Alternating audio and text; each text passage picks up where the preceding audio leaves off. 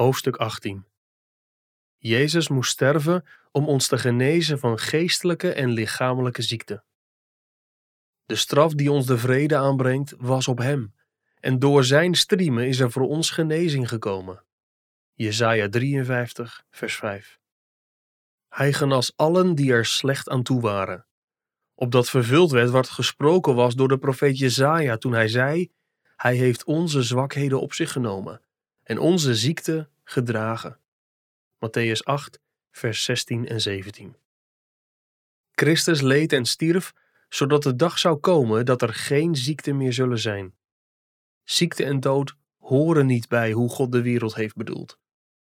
Ze kwamen met de zonde in de wereld als onderdeel van Gods oordeel over de schepping. Want de schepping is aan de zinloosheid onderworpen, niet vrijwillig, maar door hem die haar daaraan onderworpen heeft. Romeinen 8, vers 20.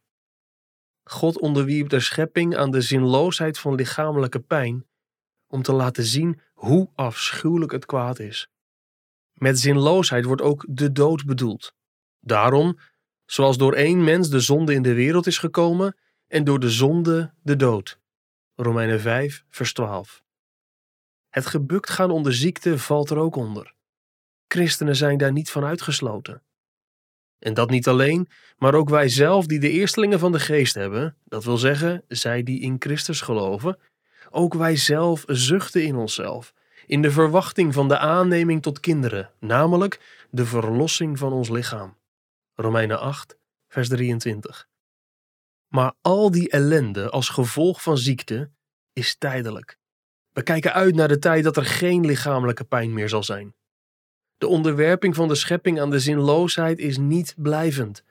Gods oordeel over de schepping was er vanaf het begin op gericht hoop te bieden.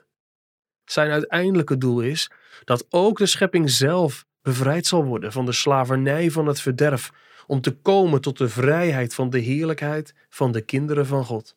Romeinen 8, vers 21. Toen Christus in de wereld kwam, was het zijn opdracht deze wereldwijde verlossing tot stand te brengen.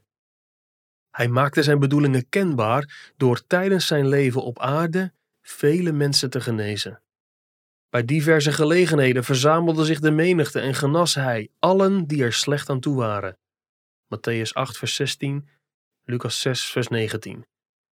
Dat was een voorproefje van wat er gaat gebeuren aan het einde der tijden.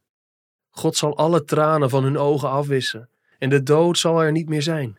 Ook geen rouw, jammerklacht of moeite zal er meer zijn. Openbaring 21, vers 4.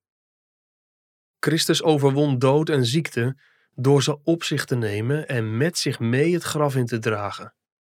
Gods oordeel over de zonde, die ziekte veroorzaakte, werd door Jezus gedragen toen hij leed en stierf. De profeet Jezaja legde de dood van Jezus als volgt uit.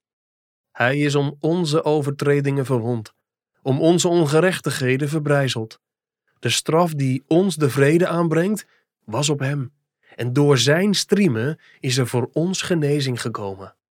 Jesaja 53, vers 5. Met de verschrikkelijke slagen op Jezus' rug kocht hij een wereld zonder ziekte. Er komt een dag dat alle ziekten in Gods verloste schepping zijn uitgebannen. Er komt een nieuwe aarde we krijgen een nieuw lichaam. De dood wordt dan verslonden door het eeuwige leven. 1 Korinthe 15, vers 54, 2 Korinthe 5, vers 4. Een wolf en een lammetje zullen gezamenlijk weiden. Een leeuw zal stro eten als een rund. Jesaja 65, vers 25. Dan zullen allen die Christus liefhebben, dankliederen zingen voor het lam dat geslacht is, om ons te verlossen van zonde, dood en ziekte.